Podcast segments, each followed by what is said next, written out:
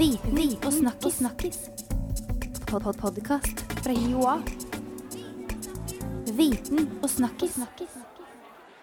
Ifølge Den internasjonale organisasjonen for migrasjon, IOM, skal over 430 000 flyktninger og innvandrere ha dratt over Middelhavet til Europa så langt i år. I dagens Viten og snakkis skal vi snakke om denne tragiske flyktningkrisen som har preget samtaler rundt frokostbord og kantinebord i høst. Jeg heter Stig, og med meg i dag har jeg Marie Louise Seberg, som er en av våre eksperter på migrasjon og innvandring her på høyskolen. Hvem er disse flyktningene? Ja, Det er et veldig blandet uh, svar jeg må gi da. fordi at uh, de som kommer over Middelhavet, det er flyktninger som kommer både fra krigen i Syria og fra, uh, via da land i Nord-Afrika og fra land sør for Sahara. Og til dels også fra Afghanistan. og de har jo veldig forskjellige grunner til å flykte fra sine hjemland.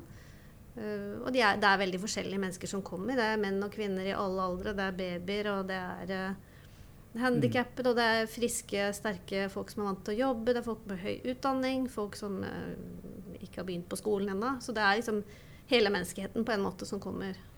Men alle er måtte asylsøkere? Når de kommer til Europa, så søker de asyl. De kan ikke søke asyl før de kommer til Europa. Det er derfor de tar seg hit på den farlige måten. Det er den eneste måten for dem å komme inn i Europa på. Og når de har kommet hit, så har de rett til å søke asyl. Mm. I tillegg har vi det som heter kvoteflyktninger. Ja, men det fins ennå. Ja. Kvoteflyktninger er en ordning som ble satt i gang under den kalde krigen. Hvor FN har kommisjoner som reiser rundt i flyktningleirer i nærområdene der hvor flyktningene kommer til utenfor sine egne land. Og plukker ut folk etter intervju og sender dem videre til land etter et kvotesystem. De kvotene er veldig små. Og det gjør at det er veldig få som, komme, som har behov for beskyttelse, som kan komme til trygge land på den måten. Mm. Hvis vi går til den, den mye omtalte flyktningkrisen i Europa, som mange nå omtaler mer som en EU-krise, fordi det er EUs problemer med å takle eller håndtere eh, alle flyktninger som kommer, som er problemet. Eh, hva er det med EU som gjør at de takler denne krisen så dårlig? Det er et veldig godt spørsmål. Da. EU har jo taklet større eh, antall flyktninger tidligere. Under Bosnia-krigen f.eks. så var det flere eh, ja. asylsøkere til Norge for eksempel, enn det vi har sett hittil i år. Da. Eh, så det er nok eh, ingen tvil om at det er et system som er dårlig, heller enn at det er helt, eh, liksom helt umulig antall flyktninger å håndtere. Et system Er systemet blitt dårligere, eller det, hvorfor håndterte vi dette bedre tidligere enn nå? Eh, det vi har nå, er et uh, asylsystem, et felles europeisk asylsystem som ikke er helt på plass. Og det består av mange deler. Dublin-avtalen er en av dem. Schengen-avtalen er en, også en av dem.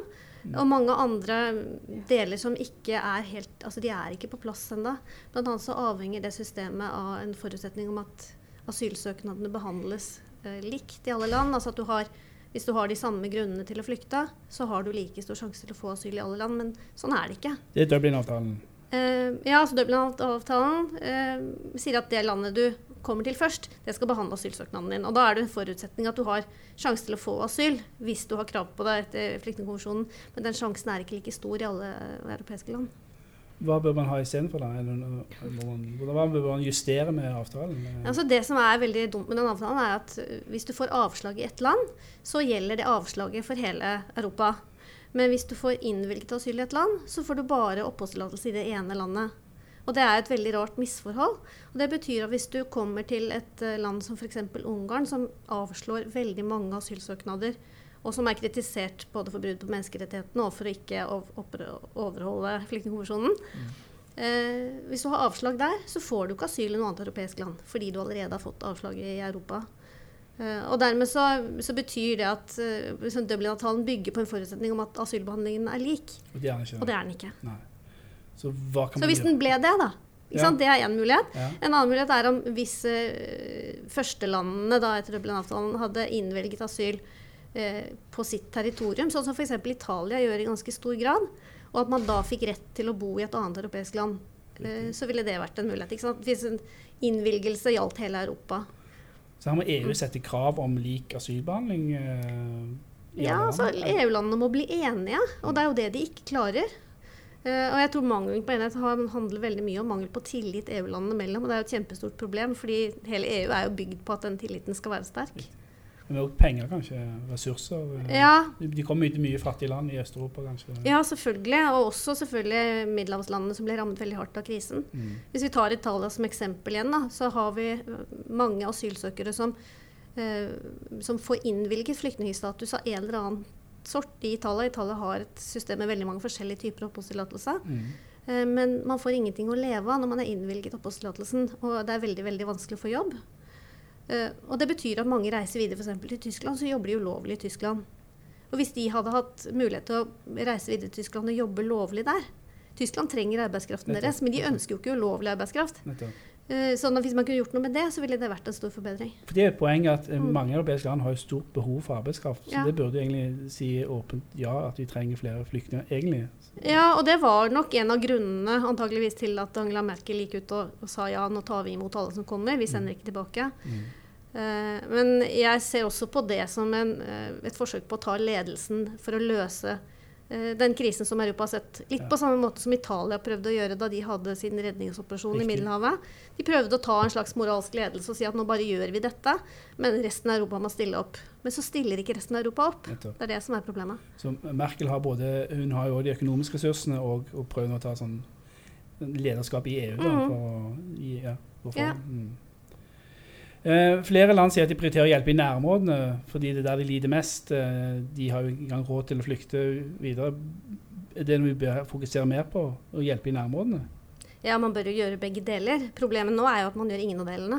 Mm. Eh, mange av de som kommer til Europa nå, de kommer fordi det er helt umulig å leve i f.eks. flyktningleirer i nærområdene utenfor Syria, hvor det har vært tildelt matrasjoner og sånn tidligere. Det er blitt kuttet ned på fordi FN har ikke penger. Eh, og da blir man drevet videre av ren nød. Mm. Eh, nå så jeg i dag at eh, G7-landene har innvilget 1,8 milliarder til FN for å gjøre noe med det, men 1,8 milliarder er en tiendedel av det FN har sagt at de trenger i år. Og dette året er snart slutt. Så om det kommer noen penger i neste år, det vet jeg heller ikke. Så alle sier at de vil hjelpe, men Mm. de bidrar ikke med de konkrete økonomiske ressursene. Ja, de gjør ikke det. Hva, hva med Norge, da? Hva kan Norge gjøre?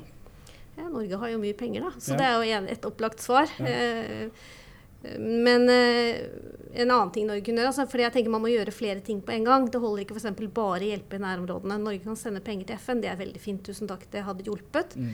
Eh, men Norge mottar også mange asylsøkere som har kommet via førsteland.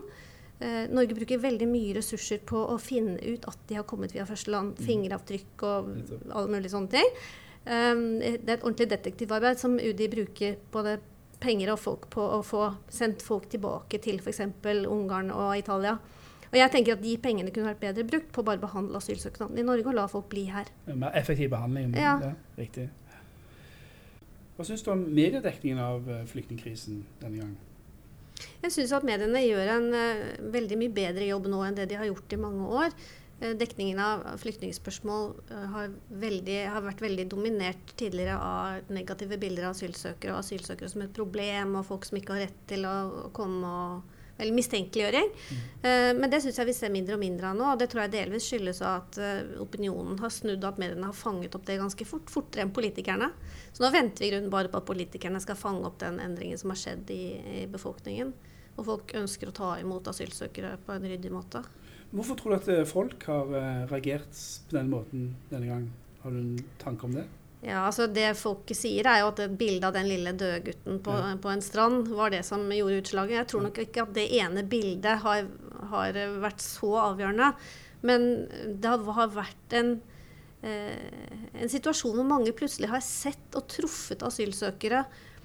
Og kanskje sett mer og fått mer følelse av hva det er dette gjelder. Også at det kanskje er folk som ligner mer på dem selv. Det er litt synd å si det, men det er lettere å identifisere seg med skolelærere og ingeniører og sånn, så kommer veldig mye de fra Mm. Syria nå, er veldig mye høyt utdannede folk. folk. Ja. ja. Um, og det betyr jo ikke at de har en bedre grunn til å søke asyl, men det betyr kanskje at det er lettere å forholde seg til dem som en som ligner på seg selv. Og man kan tenke at den erfaringen kunne vært min, uh, enn hvis man ser folk man ikke identifiserer seg så lett med. Mm. Og det er synd, men jeg håper jo at det også vil bety at de som har asylgrunner, som kommer til Norge og søker asyl fra andre land, og kanskje uten høyere utdanning, vil møte den samme velviljen i befolkningen som de trenger. At vi ser kanskje sånn eh, skifte eh, som kanskje kan bedre Ja, jeg håper det. Det er veldig lovende akkurat nå ut fra et sånt perspektiv.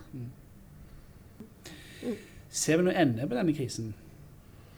Det er vanskelig å si. Det er alltid vanskelig å spå om fremtiden. Eh, det som er helt klart, er at europeiske og også norske politiske ledere må ta et ansvar og finne ut hvordan de skal løse den. For ellers så ser jeg for meg en situasjon hvor man ikke lenger tenker på det som en krise, men som mer og mer normalt. At det vandrer folk rundt i Europa som ikke har noe sted å bo, og ikke har noe å leve av, og som er bare prisgitt en befolkning som nok er villig til å hjelpe, men hvor det ikke legges til rette innenfor et system som helt klart har kapasitet til å gjøre noe med det som skjer nå. Viten og snakkis. snakkis. Pod -pod Podkast fra Joa. Viten og snakkis.